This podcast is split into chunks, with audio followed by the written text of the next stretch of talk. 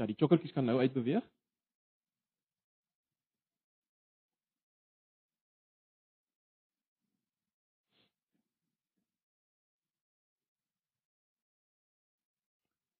Ons sê ons kom ons bid net weer saam voor ons na die woord gaan.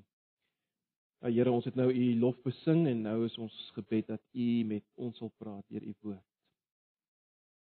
Ja Here, weer eens praat met ons uit genade uit. U ons hoëpriester. U wat ook medelee het met ons swakheid hierdie een wat 'n volkomme werk van verlossing vir ons gedoen het. Kom praat met ons. En kom beweeg ons maar net deur u woord tot getrouheid aan u. Op 'n nuwe manier, asseblief. Ons vra dit in Jesus se naam. Amen. Ons bly na Hebreërs hoofstuk 3. Ons het nou verlede Sondag 'n bietjie afgewyk van ons Hebreërs studie. Ons het 'n uh, nagmaaldiens gehad. Kyk na Romeine 6 en 7. Volgens terug by Hebreërs. En uh, ons gaan uh, Hebreërs 3 doen. Ons gaan hom in, in geheel doen vanoggend. So julle sal verstaan, ons kan nie in alles insak soos mens graag sou wou nie, maar dit doen julle by julle selgroepe. Dis die wonderlike van die die selgroepe wat ek vertrou nog steeds besig is met Hebreërs uh, dat ons uh, dieper daarop kan ingaan. Kom ons lees saam Hebreërs 3 vers 1 tot tot 19 eintlik. Ek lees maar die 83 vertaling. Ek sal wel hier en daar wys na vertalingsverskil. Vers 1: Daarom broers wat vir die Here afgesonder is. Nou die die 53 vertaling praat van heilige broeders. Daarom broers wat vir die Here afgesonder is en deelgenote is aan die hemelse roeping, moet julle nou keurig let op Jesus, die apostel en hoëpriester van die geloof wat ons bely. Hy is getrou aan God wat hom aangestel het, soos ook Moses getrou was in die hele huis van God. Maar Jesus is groter heerlikheid waardig geag as Moses, net soos die een wat 'n huis bou meer eer waardig is as huis. Elke huis word deur iemand gebou, maar God is die een wat alles gebou het. Vers 5: Moses was 'n dienaar was as dienaar getrou in die hele huis van God en moes getuig van die dinge wat God nog sou sê. Christus daarteenoor is as seun getrou oor die huis van God en ons is sy huis. As ons maar net met moed en oortuiging bly vashou aan wat ons hoop. Luister daarom na wat die Heilige Gees sê: "Vandag as julle sy stem hoor, moet julle nie hardkoppig wees nie, soos julle voorvaders toe hulle in opstand gekom het en my in die woestyn op die proef gestel het. Daar het hulle my op die proef gestel en uitgetart, hoewel hulle 40 jaar lank gesien het wat ek vir hulle gedoen het. Daarom het ek 'n afkeer van hierdie geslag gekry en gesê met hulle hart is hulle gedurig op 'n dwaalspoor, hulle wou my paaie nie leer ken nie. Toe het ek in my toren 'n eed afgelê, in my rus sal hulle beslis nie ingaan nie. Broers, julle moet toesien dat daar nooit by een van julle 'n verkeerde gesindheid van ongeloof ontstaan en hy van die lewende God afvallig word. Maar solank daar nog 'n vandag is, moet julle mekaar elke dag aanspoor sodat niemand van julle deur die misleiding van die sonde verhard word Vers 14: Ons behou deel aan Christus as ons end uit volhard in die vertroue waarmee ons begin het. Daarom word daar gesê vandag as julle sy stem hoor, moet julle nie hardkoppig wees nie, soos julle voorvaders toe hulle in opstand gekom het nie. Wie was dit dan wat gehoor het en tog in opstand gekom het? Was dit nie hulle almal wat onder leiding van Moses uit Egipte getrek het nie?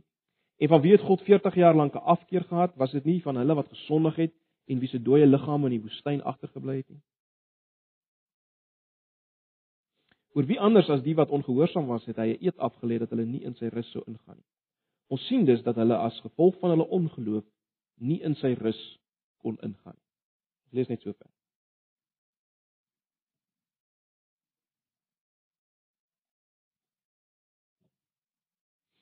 Ek dink jy sal my saamstem, niemand wat in 'n wat in 'n motor klim op pad na 'n ver bestemming, klim in met die bedoeling om aan die slaap te raak. Tog gebeur dit dikwels. Dikwels, dalk meer as wat ons uh, sou dink. Ek weet nie of julle al die belewing gehad het nie. Ek het wel al die belewing gehad dat jy op 'n ver pad besig is om te bestuur en en die moegheid oorval jou net. Jy jy jy kan net nie meer nie. Dit begin die oorhand kry oor jou en dan snaaks genoeg is daar so 'n stemmetjie wat vir jou sê Ag, maak net jou oë vir 'n oomblik toe. Ek weet nie of julle dit al beleef nie. Letterlik, asof 'n stemmetjie vir jou sê, maak net vir 'n oomblik jou oë toe. En die ongelooflike is dat jy jouself vang wat jy doen. En baie keer dan skrik jy met 'n skok wakker. Uh jy kan nie glo dat jy op die punt was om jou oë toe te maak met met geweldige gevolge. Uh soos julle sal weet wat die gevolge kan wees as jy jou oë toemaak op 'n lang pad. Uh, wat wat nodig is gewoonlik om heeltemal wakker te word natuurlik om te stop. Te stop, uit te klim, miskien 'n koffie te drink, met iemand te gesels voor jy weer uh die pad verder aanpak.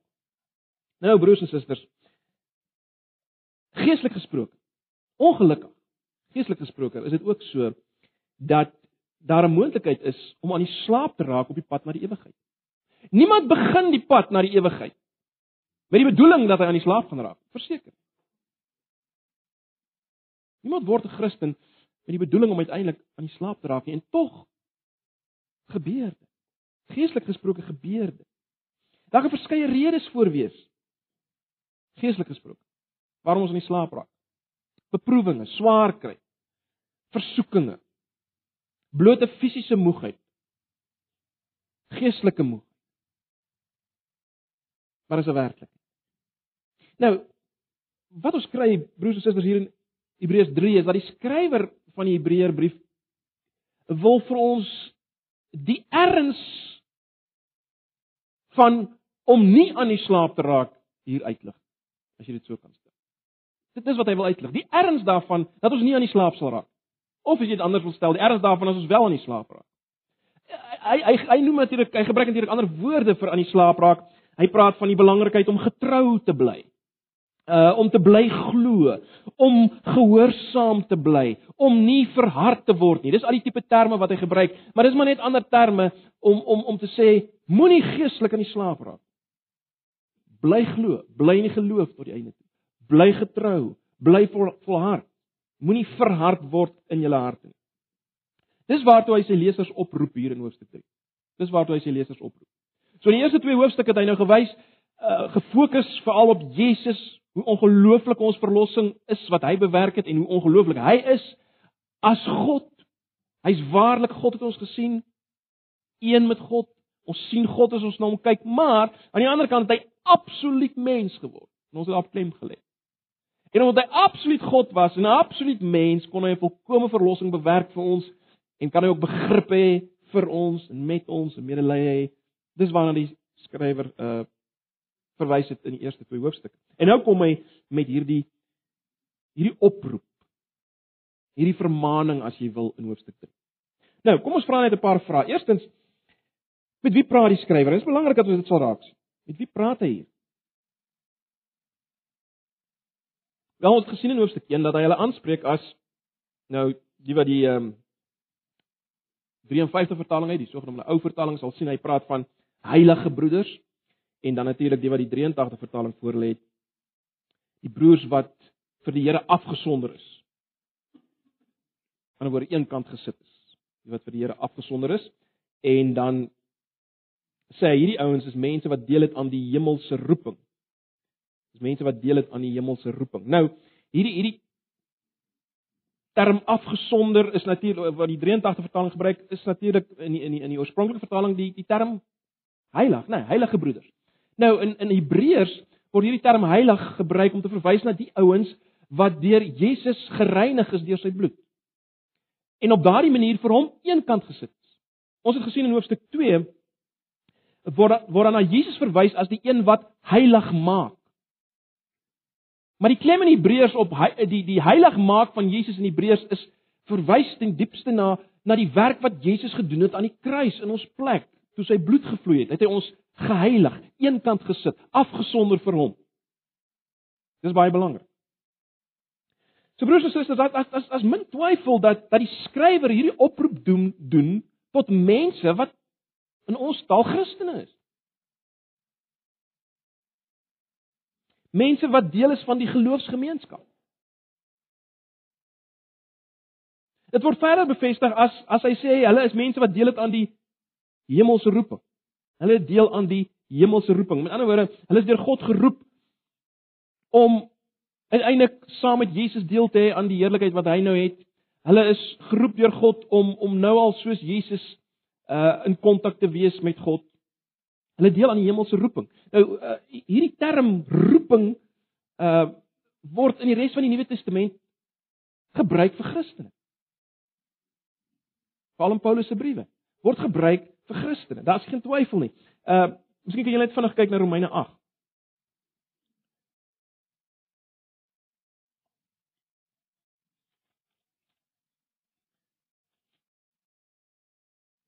Ons ken almal Romeine 8 vers 28. Kom ons lees maar daar van vers 28 van Romeine 8. Julle ken hierdie gedeelte, dit is bekend. Net dat julle die term roeping daar sien. Ons weet dat God alles ten goeie laat meewerk vir die wat hom liefhet, die wat volgens sy besluit geroep is. Met wie praat hy? Vir wie werk alles ten goeie mee? Die wat volgens God se besluit geroep is.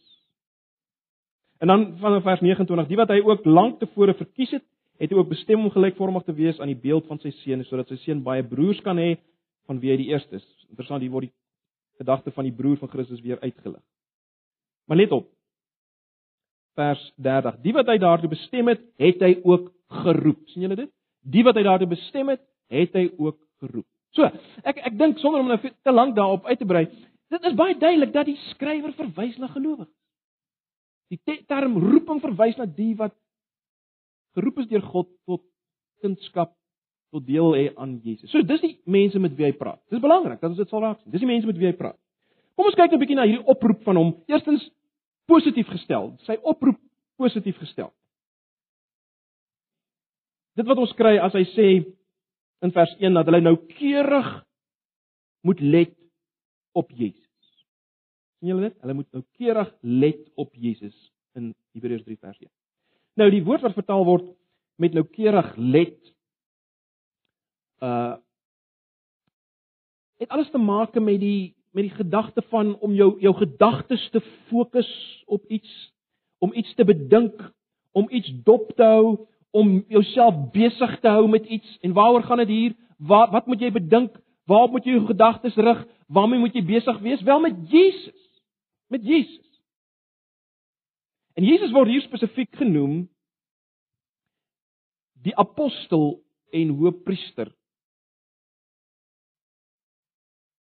die apostel en hoofpriester van die geloof wat ons bely of uh as jy die 53 vertaling het van ons belydenis, dis eintlik al wat daar staan. Die apostel en hoofpriester van ons belydenis, dis wat letterlik daar staan. So let op hom, bedink hom, bedink hierdie Jesus. Hy word genoem die apostel. Apostel beteken natuurlik blootgestuurde en ons het nou al gesien waarvoor hy gestuur is. Wel, hy's gestuur as God se laaste woord in hoofstuk 1. Hy's gestuur om 'n volkomme verlossing te bewerk en hy's gestuur as hoëpriester. Hy's apostel en hoëpriester. Met alles wat dit behels, nê? Nee, hoëpriester omdat hy 'n volkomme werk in ons plek gedoen het toe hy homself geoffer het. Hoëpriesters bring offers, hy het homself geoffer. Maar hy het ook as hoëpriester medelee met ons swakheid. Hy verstaan ons. Hy's versoek net soos ons as mens en so meer. Nou, die lesers word opgeroep om om besig te wees met hierdie Jesus, te let op hom, hom te bedink, hulle besig te hou met hom. En dan gaan hy verder en sê hierdie Jesus is die apostel en hoofpriester letterlik van hulle belydenis. Die 83 vertaling sê van die geloof wat ons bely.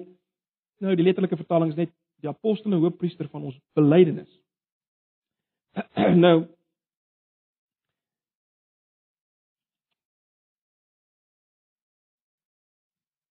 ons gebruik die term belydenis dikwels in die sin van 'n um, uh, bietjie negatief, né? Nee. Ek bely ek bely ek het te veel koek geëet vandag of ek bely ek het te vinnig gery of wat ook al. Belydenis hier het nie daai negatiewe betekenis. Die, die belydenis hier is uh, of of het te maak heel waarskynlik met die belydenis wat hulle afgelê het by hulle doop. Wat iets was soos ja, ek glo in Jesus Christus wat vir my gesterf het en opgestaan het, die seun van God. Iets in die lyn. Was waarskynlik die belydenis na 'n verwys. Eh, waarna verwys word. In ander woorde, as as jy nou die 53 vertaling het en jy sien daar staan, hy's die apostel en hoofpriester van ons belydenis, dink daaraan. Dit wat hulle bely het by hulle doop en dit wat jy bely van wie Jesus is. So hierdie mense word opgeroep om te let op hierdie Jesus. Die een wat hulle al klaar bely het by hulle doop, van wie hulle gesê het hy is ons Here en ons verlosser. Die skrywer kom en hy sê, "Let op hom. Raak besig met hom. Fokus op hom. Hou jouself besig met hom." So dis sy oproep positief gestel. Jy het so opgelet hy hy die skrywer brei uit op so 'n bietjie oor Moses, praat 'n bietjie oor Moses en onmiddellik moet ons onsself afvra maar hoekom? Waarom die verwysing na Moses? Hoekom bring hy vir Moses in die prentjie? Wel, broers en susters, ons moet onthou dat uh die ouens vir wie die skrywer skryf wat uit die Joodse agtergrond kom, het geweldige respek vir Moses, hoor. Moses was 'n swaar gewig vir hulle gewees. En daarom verwys hy na Moses en nou nou kom hy spesifiek en julle sou dit opgelet het toe ek gelees het, gelees het, het ek dit so 'n bietjie klem daarop gelê. Die skrywer lê klem op die getrouheid van Moses. Hy lê klem op die getrouheid van Moses. Maar onthou nou, Hy het nie gesê in vers 1 let op Moses nie. Hy het gesê let op Jesus. So wat doen die skrywer eintlik hier in die eerste vers? Wel al wat hy doen is om te wys dat Jesus is baie meer getrou as Moses. Moses was getrou en die, en die skrywer sê hy was getrou ehm um, uh in die huis waaroor hy aangestel is, né? Nee. Nou die die term die huis verwys maar net die die mense van God, né? Nee, as ons gepraat het van die huis van God, dis die mense van God. So die skrywer sê Moses was getrou. Hy was getrou.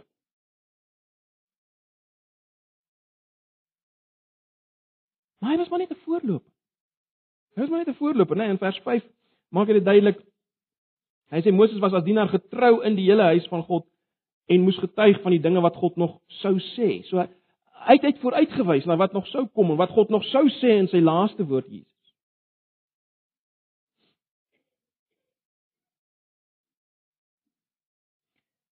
Dit is interessant as jy nou kyk na hoe die skrywer dit hier stel. Die die kontras tussen Moses en Jesus. Moses sê die skrywer letterlik was getrou as dienaar in die huis. Jesus was getrou as die seun oor die huis van God. Moses was getrou as dienaar in die huis van God. Jesus as seun was getrou oor die huis van God. Ek wil nou nie daarop uitbrei nie, maar die die, die klem is maar net op die feit dat Jesus is groter as Moses. En sy getrouheid het meer behels. Hy is meer. Hy sy getrouheid het meer behels. Hy is meer as Moses. Nou, die, die eerste twee hoofstukke het al klaar baie klem daarop gelê dat Jesus is meer en hy's groter as Moses en as die hele ou bedeling. Maar wat is die punt? Wat is die punt hier? Hoekom wil die skrywer hier weer beklemtoon dat Jesus is meer as Moses en en groter as Moses? Wel, die punt hier is Jesus is ons voorbeeld van getrouheid, nie Moses nie. Dis die punt. Met ander woorde, dis amper asof die die skrywer vir hierdie ouens wil sê, kyk, as Moses julle standaard is vir getrouheid, dan is julle versuur te laag gestel. Moses moenie julle standaard wees vir getrouheid nie. Jesus, maar hy hy's baie hy was baie meer getrou. Hy is net meer as as Moses. So so moenie na Moses kyk nie. Moenie julle versuur stel op Moses en dink dis ons voorbeeld nie. Nee, Jesus is julle voorbeeld. En as ons dit verstaan, dan begin ons verstaan, broers en susters, dat dat die oproep om Jesus of wat so stel, die oproep om op Jesus te let beteken met ander woorde dat ons moet getrou bly Ons moet getrou bly aan hierdie oproep om op Jesus te let, soos Jesus getrou was as seun oor alles waaroor God hom aangestel het, alles waarvoor God hom gestuur het. Dis die punt. Verstaan julle wat probeer hy skryf? As hy sê let op Jesus, wil hy sê Julle moet getrou wees in hierdie let op Jesus, in hierdie besig wees met Jesus. Hoe moet julle getrou wees met hierdie in in hierdie besig wees met Jesus? Julle moet getrou wees soos Jesus getrou was as die seun oor alles waarvoor God hom gestuur het, hom aangestel het. Dis julle voorbeeld. Dis die oproep. En hierdie getrouheid van Jesus was meer as die van Moses, jy sien. Dis die Dit was meer as die van Moses. En natuurlik baie baie belangrik vir hierdie lesers, maar ook vir ons vanoggend. Jesus was getrou te midde van swaar kry, lyding, teenkanting, verwerping. Ons weet dis die pad wat hy geloop het. En daarom as mens nou in gedagte hou die die die die toestande van die van die van die eerste lesers, daarom kom die oproep tot hulle, luister julle, as julle getrou wil wees soos Jesus wel, dit beteken getrouheid te midde van swaar kry en lyding. Al word julle goed gesteel, soos ons later sien in Hebreërs, en dan kry julle al moet julle dit in bloede toe weerstand bied teen die sonde wel, wees getrou soos Jesus. So dis dis die oproep.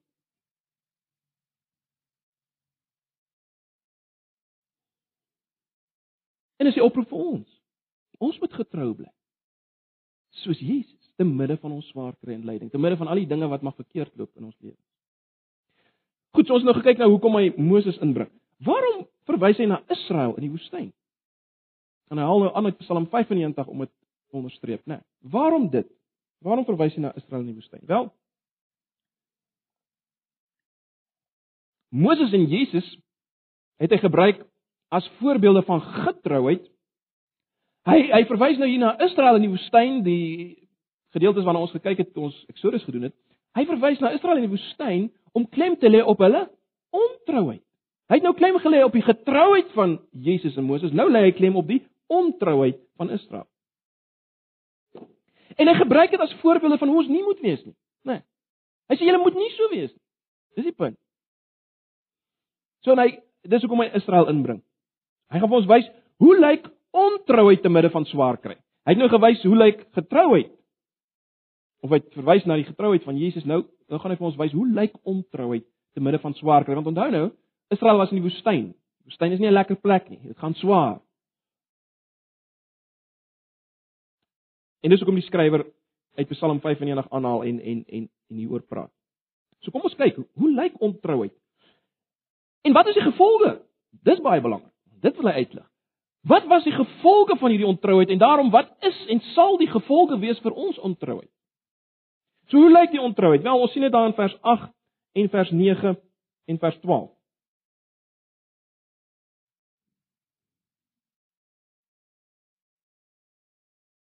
Kom ons lees maar vanaf vers 7. Luister daarom na wat die Heilige Gees sê vandag as jy sy stem hoor.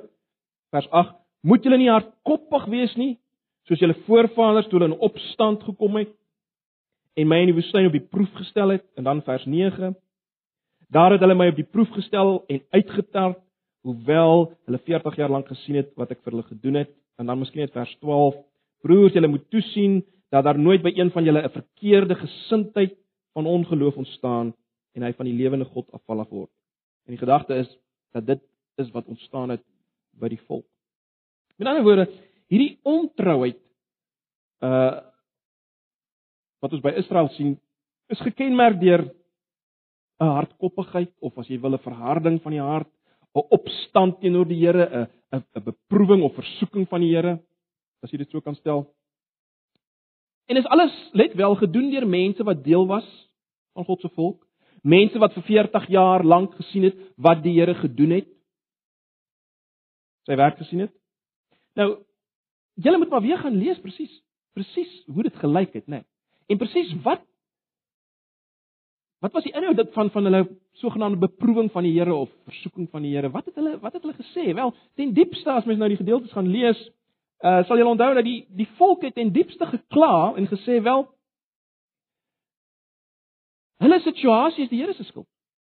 Dit was ten diepste hulle hulle klagte, né? Nee. Ons kry so swaar wat het ons hier ingelei. En Hulle terugverlang na Egipte. Hulle terugverlang na die posisie waarin hulle was voordat die Here hulle verlos het. Dit is geweldig as jy daaraan dink. En dis waarna Hebreërs hier verwys. Dis waarna Psalm 95 verwys wat die skrywer hier aanhaal. Na na hierdie situasie waar die volk gekla het dat die Here hulle verlos het. Hulle het letterlik gekla dat die Here hulle verlos het want was sien was eintlik lekkerder toe hulle nog nie verlos was in Egipte. Dit is maak geen sin eintlik nie, maar dis wat gebeur het daar. En nou die die Here blameer vir hulle situasie, jy sien? Nou die, die skrywer vat dit alles saam in vers 12 as ongeloof, sien julle dit? Dis dit was ongeloof. Dit was ongeloof. Hoekom sê ons dit? Want want hulle begin twyfel in God se woord en God se getrouheid. En hulle gekla, hulle gemurmureer het gewys dat hulle nie glo dat God is wie hy gesê het hy is nie. En dis ongeloof, is dit nie? Ongeloof is as jy nie glo dat God is wie hy sê hy is en wie hy sê hy sal wees vir jou nie. Dis ongeloof. En en dis waarmee die volk besig was in die woestyn. Maar wat was die gevolge? Wel vers 10 en 11. Vers 10 en 11. Kyk na vers 10 en 11. Daarom het ek 'n afkeer van hierdie geslag gekry. En gesê met hulle hart is hulle gedurig op 'n dwaalspoor. Hulle wou my paaie nie leer ken nie. Vers 11: Toe het ek in my toren 'n eed afgelê. In my rus sal hulle beslis nie ingaan nie. In in die res van die gedeelte verwys die skrywer na die feit dat hulle lyke in die woestyn bly lê. So dis nie net praatjies gewees. Hulle het gesterf in die woestyn. Hulle lyke daar bly lê. Hy, hy verwys daarna. Die rus waarvan hier gepraat word is natuurlik die rus van die land Kanaan. Hulle hulle het dit nie ingegaan nie. Maar onthou julle, dit was die hele rede waarom hulle gered is uit Egipte. Dis die doel waarvoor hulle uit Egipte gered is om uiteindelik in die land Kanaan in te gaan. En nou sê die Here, "Hulle sal dit nie ingaan nie. Ek het 'n eed afgelê, hulle sal dit nie." Hoekom? As gevolg van hulle ongeloof. As gevolg van hulle ongeloof sal hulle nie in die land ingaan nie. Hulle sal nie in my rus ingaan. Dit is skrikwekkend broers en susters. Dit is skrikwekkend. So die Here eh, eh, die die die die skrywer gebruik hierdie voorbeeld van Israel in die woestyn om te wys hoe lyk ontrouheid en om te sê hoe gevaarlik dit is. En broers en susters, ons het dit nodig om dit te hoor. Toe ons besig was met Eksodus, het ons gewys na die Here wat gevaarlik is. Die Here is nie mak nie. Hy's nie 'n makleeu nie om die, om die bewoording van van ehm uh, van die Narnia briewe te gebruik. Hy's nie mak. Hy's gevaarlik. Die Hebreërs skrywer kom weer en weer en wys hy hierdie God is 'n verterende vuur, moenie met hom speel nie.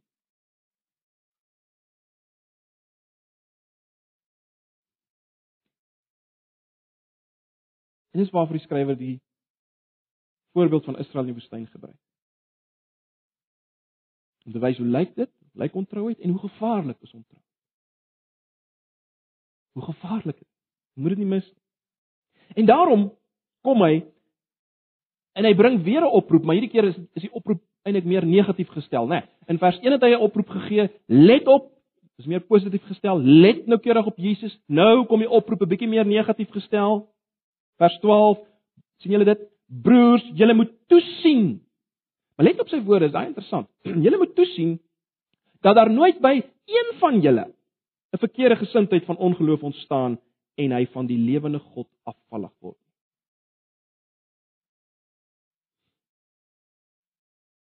Kom ons lees van net vers 13 ook saam. Maar solank daar nog vandag is, moet julle mekaar elke dag aanspoor sodat niemand van julle deur die misleiding van die sonde verhard word nie.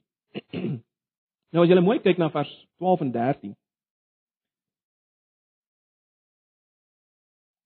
As jy mooi kyk na die bewoording van vers 12 en 13 dan uh, dan gee dit vir mense die indruk van van dit waarmee ons vanoggend begin het, nê, nee, die voorbeeld van aan die slaap van die aan die slaapraak op die pad. Daai daai stadige proses wat die moegheid jou oorval en dan daai stem van van verleiding wat vir jou sê maak jou oë toe. Iets daarvan kry mens hier terug, né? Uh die skrywer sê jy moet pas op dat daar nie 'n verkeerde gesindheid van ongeloof ontstaan nie, vers 12. amper soos daai moegheid wat wat begin ontstaan in jou. Pas op dat dit nie ontstaan nie. En en en dan gaan hy verder en hy praat van die misleiding van sonde in vers 13. Nou net om terug te gaan na die ontstaan van die van die uh die verkeerde gesindheid van ongeloof uh net soos daai moegheid wat jou oorval die redes daarvoor kan verskillend wees nê nee, die presiese rede is hoekom dit gebeur net soos die die redes waarom die moegheid jou oorval op die pad uh, kan verskeie redes wees jy dalk fisies nie heeltemal gesond nie of jy het min geslaap die vorige dag maak nie saak nie dat as redes daar en dit mag wees geestelik gesproke weer eens as gevolg van beproewinge of swaar kry, versoekinge. Wat dit mag ook al mag wees. Maar dit gebeur, dis 'n gevaar. 'n Verkeerde gesindheid begin ontstaan. In vers 13 dan sê hy praat hy van die misleiding van sonde. Dis daai stem wat vir jou sê, maak jou ouma 'n bietjie toe, né? Nee, waarna ons verwys het. Daai stem wat geestelik gesproke vir jou sê, ag wat dis so erg nie man. Die stem wat al meer vir vir jou wil laat verstaan, dit wat jy eers gedink het is erg en sonde. Ag nee, maar dis nie meer so erg nie. Of iets wat baie gewild is, wat ek dikwels hoor, maar ander Christene doen dit ook. As ons, ons voel ons ons kan ons eie sonde regverdig as ons daarom kan verwys na een of ander ander Christen wat iets doen, dan dan wel dan is dit nie so erg as ek dit doen nie want ander Christene doen dit ook. Dis hierdie stem. Maak jy oop toe man, net vir 'n oomblik. Dis so erg. As dit niks gebeur, is net vir 'n oomblik jy oop toe maak. Die stem van misleiding. Almal doen dit. Almal doen. Jy sê raak afgestomp. Stadig maar seker raak jy afgestomp broers en susters. Stadig maar seker, stadig maar seker. Soos daai slaap wat jou oorval, raak jy geestelik afgestomp. Ag jy het nie eintlik meer lus om te bid nie. Jy het nie eintlik meer lus om besig te wees met die woord nie en uh, deel te wees van ander gelowiges nie. Jy, jy sien dit gebeur nie oornag nie. En niemand begin sy Christelike lewe weer eens. Niemand begin sy Christelike lewe met die doel om dit te laat gebeur. Net so min soos jy nie motor klim en aan die besluit jy gaan in die slaap raak. Maar dit gebeur. Dit gebeur. Nou, hoe kan ons sorg dat dit nie plaasvind? Dink maar net weer aan my beeld van die aan die slaap raak op die pad, nê? Nee, wat moet jy doen? Wel, ek het gesê jy moet waarskynlik stop. Dis die beste. Stop en klim uit. Drink 'n koppie koffie. Gesels met iemand. So die eerste ding wat ons moet doen is dit. Jy moet onmiddellik iets daaraan doen. Jy moet onmiddellik iets daaraan doen. As jy besig is om geestelik aan die slaap te raak, as jy besig is om te verval in 'n verkeerde gesindheid van ongeloof wat in jou begin ontstaan, as jy bewus is van die misleiding van sonde wat jou verhard, wel doen onmiddellik iets. Doen onmiddellik iets soos jy onmiddellik moet stop en 'n koppie koffie moet drink. En die skrywer gebruik Psalm 95 se verwysing na vandag om om hierdie klem op die onmiddellik uh, te onderstreep, né? Nee. Hy sê vandag vir daai skrywers Vandag as julle nou hoor, ek sê vir julle, let op Jesus. Vandag as julle dit nou hoor, moenie julle harte verhard nie. Dis hoe hy Psalm 95 gebruik. Vir ons, vir oggend, as julle hier sit in Edoplex se skoolsaal, Moenie julle harte vra. Vandag as jy dit hoor, volg. En dis die vandag. Onmiddellik, doen nou iets. Doen nou iets daaraan. So dis die eerste ding. Hoe sorg jy dat verharding nie plaasvind nie? Punt nommer 1, doen onmiddellik iets daaraan. Punt nommer 2, help mekaar. sien julle? Hulle baie klem daarop. Spoor mekaar aan. Spoor mekaar aan. Vermaan mekaar.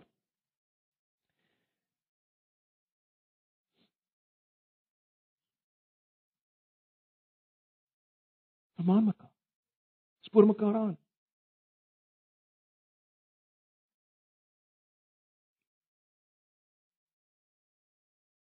Die aan die slaap raak van my broer en suster raak my. Dit is baie belangrik, ek sal nou weer daarna verwys. So praat mekaar, vermaan mekaar, bemoedig mekaar, sorg dat daar nie 'n aan die slaap raak plaasvind nie. Sorg dat daar nie 'n verhardheid plaasvind in enige iemand binne in die geloofsgemeenskap. In ons geval in die gemeente nie, né? Dis die oproep. So doen onmiddellik iets. Vermaan mekaar, spoor mekaar aan, help mekaar in die tweede plek. Iets wat ek net baie vinnig wil aanraak. Ons ons ons ons sal dit weer kry in Hebreërs, maar ek ek wil dit tog hier aanraak. Miskien sê jy op hierdie punt, maar wag wag Jakobus. Is dit regtig so gevaarlik? Uh, Is dit so ernstig hierdie hele saak? Kyk, ons weet tog as ek gered is, is ek mos veilig. As ek gered is, is ek mos veilig.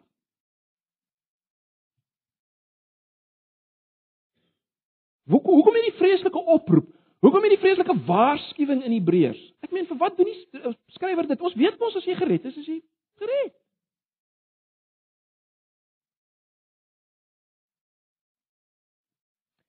Nou broers en susters, dis nie die denke in Hebreërs. Hebreërs dink nie so nie, hoor. Baie duidelik nie. Kyk net weer na na vers 6 en vers 14. Hebreërs 3 vers 6 en ook vers 14. Het julle dit gesien? Hy het verwys na Jesus en sy getrouheid oor sy huis en dan sê hy in vers 6. Ek kyk of ek die regte vertaling het. Die helfte van vers 6. In die eerste helfte van vers 6 het hy gesê Christus daarin as uh, is as seun getrou oor die huis van God en ek het hulle gesê dit verwys na God se mense, die huis van God, God se mense. Hy's getrou daaroor. Maar dan sê hy en ons is sy huis, met ander woorde ons is sy mense. As ons maar net met moed en oortuiging bly vashou aan wat ons hoor. Geen van selfsprekendheid nie, sien julle dit? Ons is sy mense as ons bly vashou. Dis die punt. Kyk na vers 14, dan is dit nog duideliker. Kyk na vers 14 van hoofstuk 3. Ons behou deel aan Christus as ons end uit volhard in die vertroue waarmee ons begin het. Hoe, hoeveel duideliker kan jy dit nog stel? Daar's nie sprake van eenmal gered, altyd gered, ag, sommer so right nie. Daar, daar bestaan nie so iets nie. Ons bou deel aan Christus met alles wat dit behels. As ons eintlik volhard in die vertroue waarmee ons begin het. Die vertroue op die geloof. Jy sien broers en susters, daar daar's geen verlossing sonder geloof nie. Daar bestaan nie so iets. As jy nie glo nie, as jy nie vashou in geloof aan Jesus Christus nie, is jy nie Christen. Sal jy nie gered word. Dan moet geloof wees. Vergeet van al die ander goeders wat jy weet op hierdie oomblik. Dit dis die punt hier. Dis die punt. Gelees maar Romeine 11 in hierdie verband. As jy sien, Paulus sê selfs die ouens die takke wat ingeplant is sal weer afgebreek word deur as hulle ongeloof. Daar's geen van selfsprekende verkiesing in die Bybel nie, hoor. Soos soos vas soos ons hou aan uitverkiesing en al hierdie dinge. Dis nie 'n van selfsprekende ding los van geloof nie. Dit bestaan nooit los van geloof. Jy kan nooit sê ag ek is ek is gered eenmal ek is verkies maar ag ek glo nie eintlik meen ek ek ek het nie meer saak met Jesus nie. As nie manier jy sal gered. As nie manier. Dis nooit los van geloof nie broers en susters. Daar bestaan nie so iets in die Bybel. Het jy al ooit so iets teëgekom? En dis die punt hier. As jy nie tot die einde toe bly volhard. Met ander woorde, aanhou om te let op Jesus, besig te wees met Jesus, want dis geloof en dis vertroue in Jesus nie. Dan gaan met jou dieselfde gebeur as met die volk in die woestyn gebeur het. En erger. Dis die punt. Dit kan nie albei verbykom nie. 'n Christen sonder geloof is 'n kontradiksie in terme. Kom ek sluit af met basies vyf beginsels van getrouheid wat in hierdie gedeelte voorkom, net baie vinnig. Vyf beginsels van getrouheid wat ons in hierdie gedeelte moet raak sien. Die eerste ding is bloot dit: 'n gesonde fokus op Jesus spoor aan tot getrouheid. Net op my woorde, 'n gesonde fokus op Jesus lei tot getrouheid. 'n Mens bewerk nie getrouheid deur oproepe van jy moet dit doen en jy mag nie dit doen nie en jy moet nee. Dit sê jy nooit getrou maak. As jy begin let op Jesus, die apostel en hoofpriester, begin besig raak met hom, dit lei tot getrouheid. Want dan wil jy getrou wees. Hoe kan jy anders as getrou wil wees? Hoe kan jy anders as op op op hom wil let as jy verstaan wat sy hoofpriesterskap behels en wat hy vir jou gedoen het en wie is? Nee. So dit is belangrik. 'n Gesonde fokus op Jesus spoor aan tot getrouheid. Dis die eerste punt. Tweede punt, getrouheid is vrywillig sowel as emosioneel of intellektueel. Wat bedoel ek daarmee? Getrouheid is vrywillig sowel as emosioneel of intellektueel. Ek dink dit is baie duidelik broers en susters, inherent in hierdie vermaninge en voorbeelde is die aanname dat die hoorders moet kies om getrou te bly. Nee. Vrywillig. Moet hulle kies om getrou te bly. Ja, hulle mag emosioneel uitgedaag wees deur sy voorbeelde. Hulle mag gestimuleer wees, gestimuleer wees deur sy logika, die logika van sy uitleg, maar dit alles staan maar net in diens van die feit dat hulle moet kies, vrywilliglik om getrou te bly. Jy kan kies om ontrou te bly. Dis vrywilliglik. Baie duidelik. So dis die tweede ding wat ons sien. Getrouheid is vrywillig sowel as emosioneel of intellektueel. 'n Derde punt wat ek wil uitlig is dit: die tweeling mislukkings van sondigheid en ongeloof verhinder getrouheid.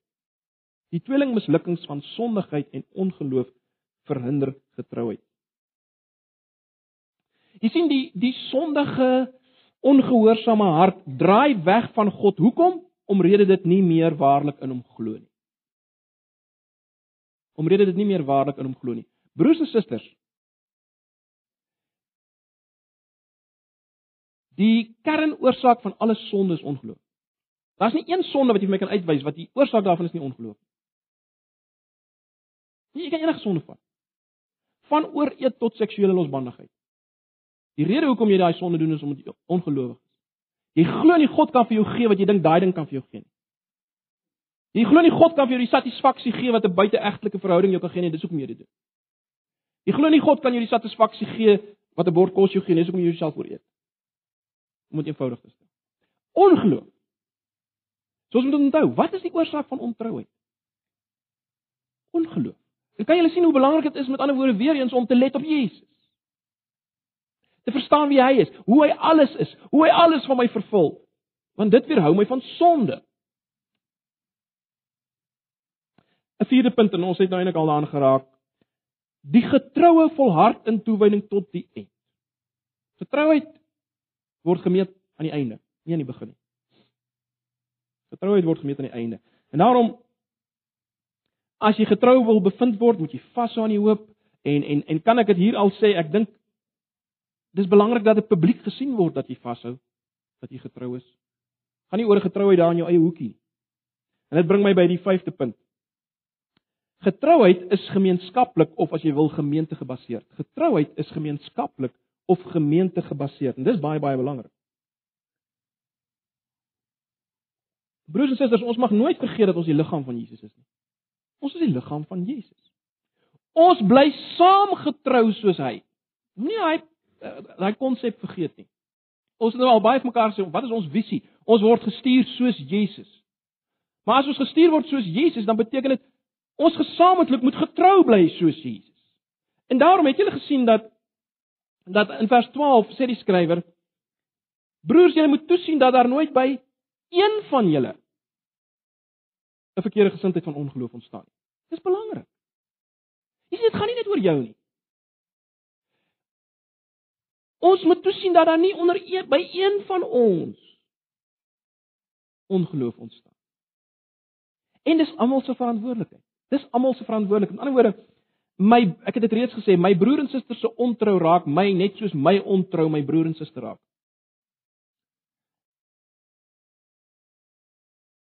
Ons is verantwoordelik vir mekaar.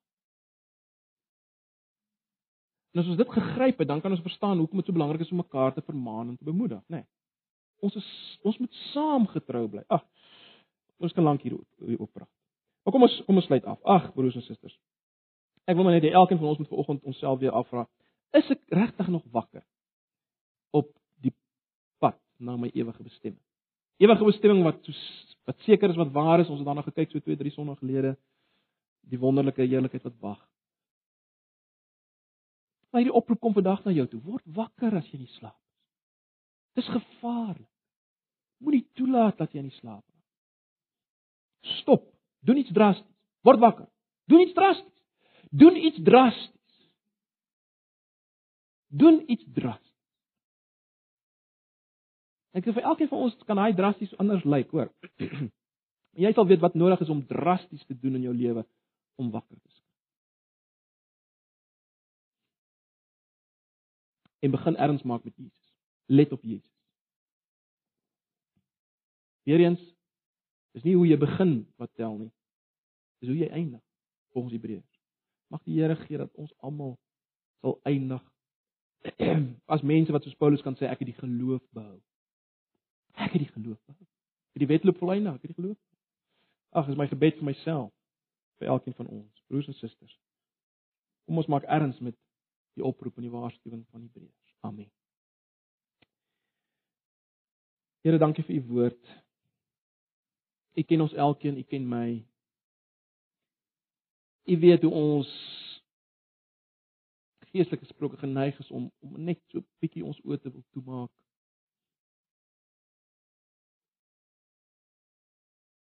Help ons om vanoggend maar net te verstaan en in te sien dat dit gevaarlik is.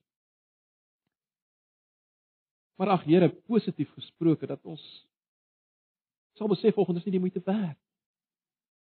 Dit is soveel beter om te let op Jesus, die apostel en hoofpriester van ons belydenis. Asseblief. Ons vra dit in U naam, Here Jesus. Ons vra dat U ons elkeen sal vanoggend weer sal wakker skrik. Deur die werking sal dit wakker skrik deur die werking van die Gees. Asseblief.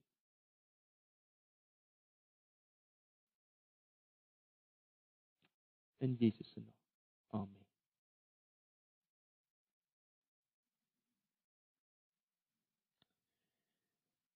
Kom ons sluit af met 'n laaste lied.